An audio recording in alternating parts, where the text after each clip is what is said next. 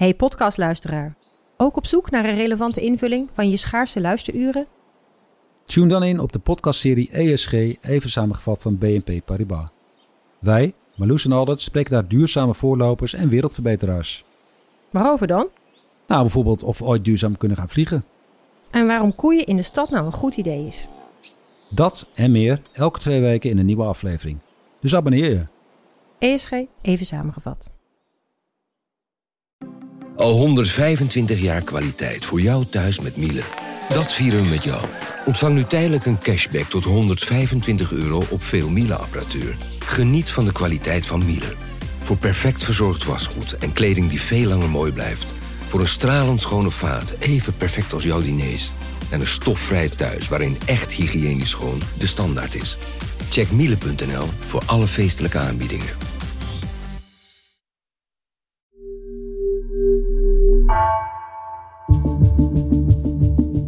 Vanaf de redactie van NRC het verhaal van vandaag. Mijn naam is Misha Melita.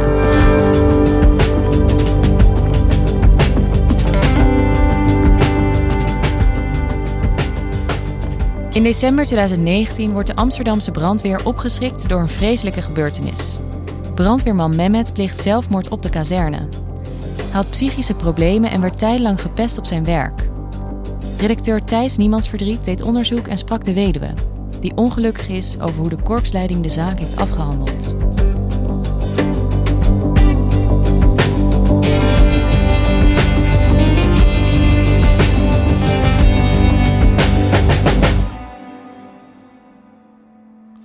Op 2 december 2019 ging Mehmet Yildirir uh, naar zijn werk bij de Amsterdamse brandweer op kazerne Hendrik aan de Marnixstraat. Het ging niet goed met Mehmet. Hij was onrustig, hij was nerveus. Hij sprak daarover uh, tegen zijn vrouw Semra, met wie hij in de auto zat, want die bracht hem naar zijn werk. En Semra zei nog tegen hem, voordat hij uitstapte: Weet je, je hoeft niet te werken als je niet wilt, meld je jezelf gewoon ziek. Dan, uh, je hoeft niet te gaan. Nee, wel, maak je geen zorgen, zei hij toen. En uh, ik ben helemaal niet bang en het komt goed. Het was een 24-uursdienst. Dat is gebruikelijk bij de Amsterdamse brandweer. Dat betekent dat je ja, een dag en een nacht op de kazerne bent. met z'n allen, met de hele ploeg. Dat je, je slaapt daar, je eet daar, je doet klusjes. Ja, je staat klaar op het moment dat er een melding komt dat je in de uitruk kunt gaan. En de volgende ochtend, toen Semra wakker werd en op haar telefoon keek, toen zag ze dat ze allemaal gemiste oproepen had. Van Mehmet, van de telefoon van de kazerne. Maar ja, ik had ook een voicemail, dus ik had eerst mijn voicemail afgeluisterd en het was hij. Hij vroeg of ik hem wilde opkomen halen. Toen belde ik hem op zijn mobiel terug, maar die stond uit. En toen heb ik toch ook de kazernetelefoon maar teruggebeld. En toen kreeg ik hem aan de lijn en toen klonk hij nog uh, goed. Uh, hij zei wel dat hij zijn telefoon kapot had gemaakt. Waardoor ik zei van nou dan kom ik je op de kazerne ophalen, anders kan ik je misschien niet meer vinden. Hè? En toen ben ik eigenlijk meteen er naartoe gereden. En toen ze daar aankwam zag ze eigenlijk al meteen dat er iets niet goed was. Ze werd apart genomen door een uh, leidinggevende van Mehmet. En ze werd in een kamer gezet en er werd gezegd van ja, het gaat even niet goed met Mehmet op dit moment. En eigenlijk gaat het al een hele tijd niet goed met hem. En uh, we hebben hulp gevraagd en met spoed en, en die is onderweg.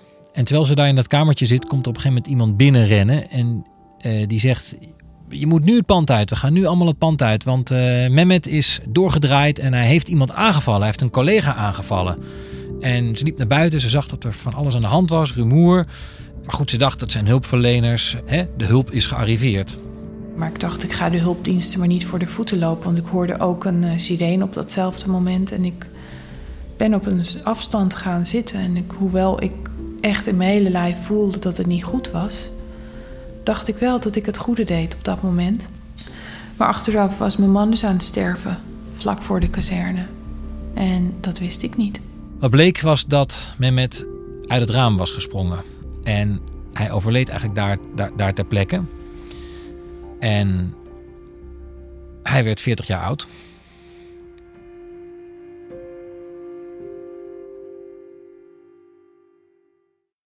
Als dit gebeurt, is Mehmet eigenlijk pas net weer volledig aan het werk op de kazerne. Pas net weer helemaal terug. Nou, duidelijk is dat Mehmet uh, problemen had, psychische problemen. Hij had uh, anderhalf jaar daarvoor een psychose gehad. Hij was um, bijna negen maanden thuis geweest, of althans gedeeltelijk thuis geweest. Uh, hij was in behandeling geweest, hij had medicatie gekregen, dus hij, het, het, het ging niet goed. En de oorzaak daarvan lag bij pesterijen op de kazerne. En belangrijk om te weten is dat het verhaal van Mehmet niet op zichzelf staat. Want zijn uh, dood is de vierde zelfdoding in het Amsterdamse brandweerkorps in acht jaar tijd. En bij die andere drie die uh, zelfmoord pleegden, is in ieder geval van twee valt te zeggen dat daar ook uh, pestgedrag in het spel was van collega's. Dus je zou zeggen dat is een reden ook om daar nog eens eventjes heel goed naar te kijken. Want Thijs, waar begint dit verhaal? Vier zelfmoorden in acht jaar tijd. Wat gaat er mis bij de Amsterdamse brandweer?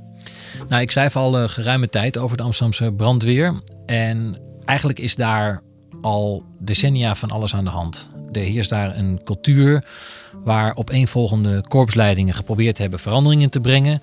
De mannen op de kazernes zijn eigenlijk de baas, uh, grotendeels autonoom. En uh, ja, er is daar sprake van seksisme, racisme, uh, pesten, intimidatie. En er valt heel moeilijk verandering in te brengen. Dus er wordt ontzettend vastgehouden aan privileges, aan hoe het nou eenmaal gaat bij de brandweer. En het is eigenlijk tot op heden nooit gelukt om dat te veranderen.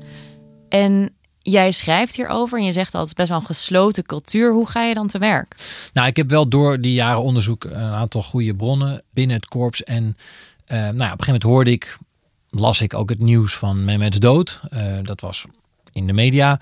En uh, nou, vrij kort daarna begreep ik al dat er pestgedrag had gespeeld. Dat hij gepest was op de kazerne. Uh, dus ik ben uh, daar eigenlijk in de afgelopen anderhalf jaar, twee jaar steeds mee bezig geweest. Ik, heb, ik, ik hoorde steeds dingen. Op een gegeven moment kreeg ik ook stukken, documenten, interne documenten, waarin mij echt duidelijk werd van ja, hier is toch dat, dat pesten is echt een groot ding geweest. op een gegeven moment kwam ik, uh, heb ik contact gezocht met de weduwe van Mehmet. En ja, het is duidelijk dat dit verhaal had er niet kunnen komen zonder haar. Zij kende hem het best. Uh, dat is de enige manier waarop je het complete verhaal zou kunnen maken. Ja, en je hebt contact met haar gevonden. En kun jij mij wat meer vertellen over Mehmet? Wie, wie was hij? Ja, Mehmet was een, uh, een man die geboren is in Turkije. Daar is opgegroeid en omstreeks de twintigste naar Nederland gekomen is. En hij is getrouwd met Semra. En zij hebben een dochtertje van bijna één jaar oud op dat moment. En Mehmet wilde eigenlijk al heel lang heel graag bij de brandweer werken. En uh, daar heeft hij heel veel moeite voor gedaan. En uiteindelijk is hij ook brandweerman geworden. Mehmet vond zijn vak ook echt heel erg leuk. Hij um, heeft echt regelmatig tegen mij gezegd dat, dat dit echt het werk was wat hij altijd zou kunnen doen. En dat hij niet een andere baan zich voor kon stellen voor hemzelf. Dat dit echt het meest geschikte was voor hem. Dit was wat hij wilde. Ja, Mehmet heeft het naar zijn zin op zijn werk, maar toch gaat het mis. Wat gebeurt er? Ja, het keerpunt uh, is het moment dat er een um, grap met hem uitgehaald wordt op de kazerne. En dat is de eigrap. Een vaste, blijkbaar in het repertoire van de brandweer. Um, een collega die zet uh, drie eieren voor zijn neus op tafel uh, bij de, tijdens de lunch. En die zegt van Mehmet, um, hier is 50 euro. Als jij nou, als ik die drie eieren kapot mag slaan op jouw hoofd, dan krijg jij die 50 euro. En wat doet die collega? Hij slaat twee eieren kapot op zijn hoofd en hij trekt het 50 euro biljetje weer terug. Uh, en dat is de grap. En in eerste instantie is die grap niet zo erg, maar ze blijven het uitmelken, dus het blijft doorgaan. En op een gegeven moment vond hij dat het moest stoppen. Hij had er last van. En het is nou juist op dat moment geweest dat die grens van Mehmet uh, niet werd uh, gerespecteerd. Dat ze erop door zijn blijven gaan. En dat ze de eiergrap op allerlei soorten manieren hebben uitgemolken. Maar echt op allerlei soorten manieren. En daar zijn ze heel, heel ver in gegaan. En iedere keer weer wordt er verwezen naar die grap, naar het ei. En je zegt dat blijft hem achtervolgen. Het heeft veel effect op hem. Wat gebeurt er met Mehmet? Mehmet wordt daar op een gegeven moment heel akelig van. En eh, hij krijgt het ontzettend het gevoel dat er achter zijn rug om over hem gepraat wordt. En hij wordt wantrouwig en hij gaat er ook opzien tegen zijn werk. Voor het eerst in zijn carrière. Hij gaat er tegen opzien om naar de kazerne te gaan. Op een gegeven moment krijgt Mehmet een psychose. Hij krijgt last van, van wanen en hij begint ook gekke dingen te zeggen, merkt zijn vrouw. Dan, dan zegt hij bijvoorbeeld, uh, de lucht is helemaal blauw en dat klopt niet, dat komt door Amerika. Ik had hem nog nooit eerder zo meegemaakt. Dus dat hij um, in de war leek te zijn. En toen zijn wij toch, ondanks dat hij zich niet goed voelde, zijn we toch op vakantie geweest. En dat heeft hem goed gedaan. Toen kwamen we terug en, um, en toen leek het wel weer goed te gaan, maar toen bouwde de spanning zich weer op. Want hij moest weer aan het werk na de vakantie. En ja, was weer bezig met wie die moest werken en wie er dan uh, in dienst was. Inmiddels wist ik ook wat meer, want hij vertelde dat, dat het beste dus best wel serieus was. Dus ik vertelde hem ook voordat hij wegging van als het niet gaat, kom je gewoon terug. En inderdaad, hij stond, nou nog een, geen paar uur later stond hij weer thuis voor de deur. Huilend dat hij dus niet meer trok. En toen heeft hij zichzelf ziek uh, moeten melden. En hij ja, komt daar wel weer een soort van bovenop, maar blijkt vervolgens een burn-out te hebben waar hij heel lang voor nodig heeft om van te herstellen. En hij gaat een heel zorgtraject in met een psycholoog, krijgt EMDR-therapie. En het duurt eigenlijk een hele poos voordat hij weer voldoende op de been is om aan het werk te gaan in de kazerne. Hij kon zich gewoon niet meer focussen op het werk, want hij was continu bezig met: hebben ze het weer over mij? En uh, gaan de grapjes over mij? En hij voelde zich niet veilig. Juist nadat hij zich kwetsbaar durfde op te stellen, hebben ze hem een onveilig gevoel gegeven. Het heeft heel veel effect op hem. Semra ziet dat ook.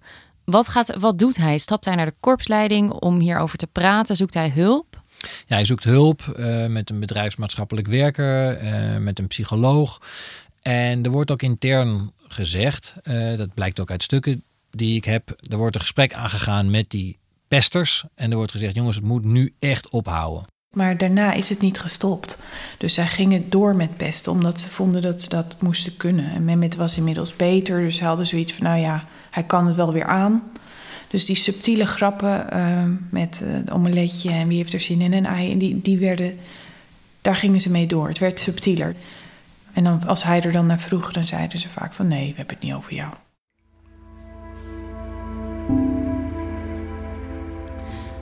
En uiteindelijk pleegt Mehmet zelfmoord. Hoe reageert de korpsleiding daarop?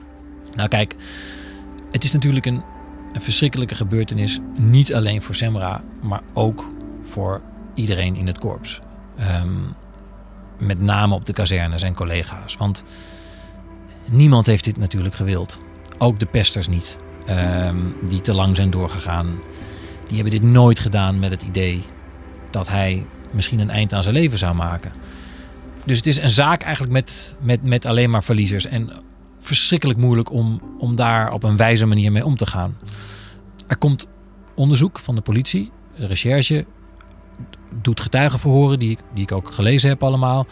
Maar eigenlijk komt daar heel snel ook de vraag boven van moet er nog onafhankelijk onderzoek gedaan worden, los van het vaststellen van eventuele strafbare feiten, want ja, die waren er niet, want hij pleegde zelfmoord. Moet er onafhankelijk onderzoek gedaan worden naar die pestcultuur en het verband tussen het pesten en de dood van Mehmet. En dat wil de korpsleiding eigenlijk niet. De weduwe dringt daarop aan, herhaaldelijk. Die zegt dat in een gesprek, die schrijft dat in verschillende e-mails.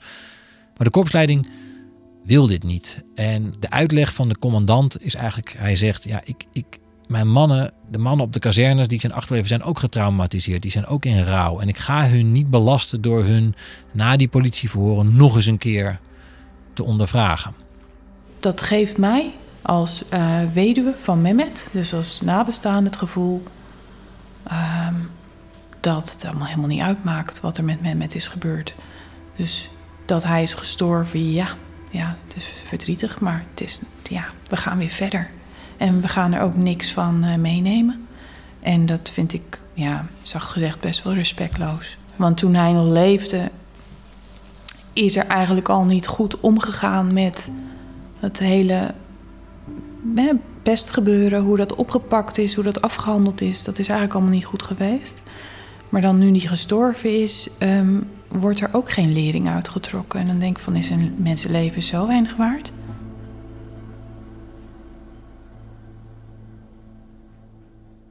Want wat is het grotere probleem? Je zei al over die vier zelfmoorden en je vertelde over de cultuur binnen de brandweer.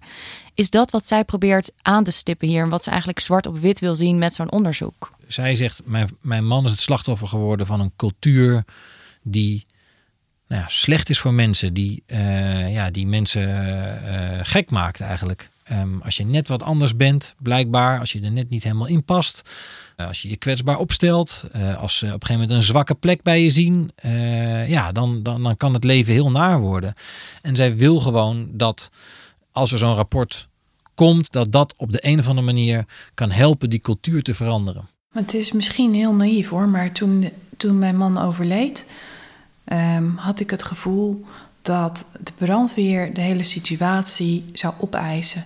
En um, in de zin van: het is vreselijk wat er is gebeurd en we gaan uh, er alles aan doen om erachter te komen wat er is gebeurd. En we gaan er ook alles aan doen om te voorkomen dat er weer zoiets kan gebeuren. Dat, dat gevoel had ik heel sterk. Uiteindelijk is er dus wel een onderzoek in gang gezet naar aanleiding van Mehmet's dood. En dat onderzoek richt zich eigenlijk vooral op ja, het zorgtraject. Dus de opvang, de hulpverlening aan Mehmet in de maanden voorafgaand aan zijn dood. Weet je, hebben we genoeg signalen opgepikt? Hebben, zijn we, hebben we goed gehandeld? Is hij op tijd doorverwezen met de juiste urgentie? Dat hebben ze laten, laten uitzoeken. Ik heb dat rapport ook kunnen inzien van de korpsleiding. En ze geven een lange lijst van oorzaken waarvan pesten eigenlijk één is. En wat ook ja, toch vrij cruciaal is, is dat voor dit rapport de weduwe Semra niet gesproken is. Ze hoort er pas van eigenlijk op het moment dat burgemeester Halsema een keer aan de gemeenteraad schrijft in antwoord op vragen. Uh, ja, er loopt een onderzoek. En ze krijgt het nooit formeel te horen via advocaat. En ze is dus op de dag van vandaag daar niet voor gesproken. En hoe staat zij er nu voor? Wat kan zij nog doen? Zij heeft uiteindelijk besloten om de brandweer aansprakelijk te stellen voor de dood van haar man en om een schadevergoeding te eisen. En ze wil ook dat de brandweer erkent dat het beste een grotere rol heeft gespeeld dan tot nu toe is gezegd. Ja, daarmee is het eigenlijk een juridisch gevecht geworden. En ja, dit soort zaken duren vaak jaren en zijn ongewis en kosten veel geld. Maar zij zegt wel duidelijk dat het haar niet gaat om het geld. Het gaat haar om de erkenning dat er iets heel erg misgegaan is uh, met haar echtgenoot op zijn werk. Dus ik hoop eigenlijk dat er openlijk over gesproken wordt. Pas als je openlijk over iets spreekt, dus erkent dat er zoiets bestaat als pesten. En het is er eigenlijk, is die kennis er al. Maar pas als we erover praten, dan kunnen we er wat aan doen. Maar als we dat niet doen, ja, dan blijft het voor altijd zo. En dan zullen er nieuwe slachtoffers volgen. En op de kazerne Hendrik, waar uh, Mehmet werkt, hoe is het daar nu? Ja, daar is het anderhalf jaar na zijn dood nog steeds uh, heel onrustig. Ja, iedereen is daar kapot van wat er gebeurd is. Er is daar geprobeerd in, uh, met individuele hulpverlening en ook in groepsgesprekken uh, om daar iets te doen aan heling en verwerking. Uh, die groepsgesprekken, begrijp ik, zijn heel heftig geweest. En daar is eigenlijk gebleken dat er een soort van twee kampen waren. Dus het ene kamp zegt, we zijn inderdaad te ver gegaan met pesten. En dat heeft geleid tot Mehmet's dood. En het andere kamp zegt, we hebben juist altijd zo goed voor Mehmet gezorgd. We hebben hem opgevangen toen het slecht met hem ging. We hebben hem uit de wind gehouden. Ja, en toen heeft hij er alsnog een eind aan gemaakt. En daar komen ze gewoon niet uit. En de commandant heeft nu besloten om uh, eigenlijk die hele groep uit elkaar te halen. Want hij zegt, um, samen komen ze er niet meer uit. Oh, dus zo lang uh, werkt dat dus nog door op die kazerne? Ja, ja. Ja, een verhaal met alleen maar verliezers, zoals je al zei. Dat zou je kunnen zeggen, ja. Dankjewel, Thijs. Graag gedaan. Zit je zelf met gedachten over suïcide? Praten over zelfdoding kan bij de landelijke hulplijn 113 zelfmoordpreventie. Je kunt bellen naar 0800 0113 of contact zoeken via www.113.nl.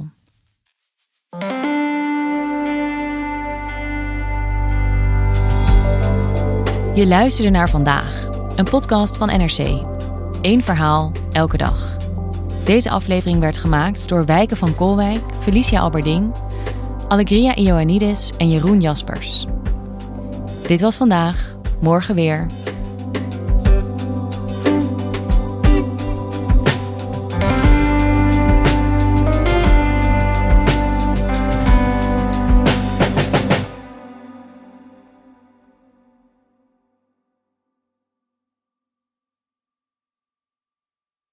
Technologie lijkt tegenwoordig het antwoord op iedere uitdaging. Bij PwC zien we dit anders.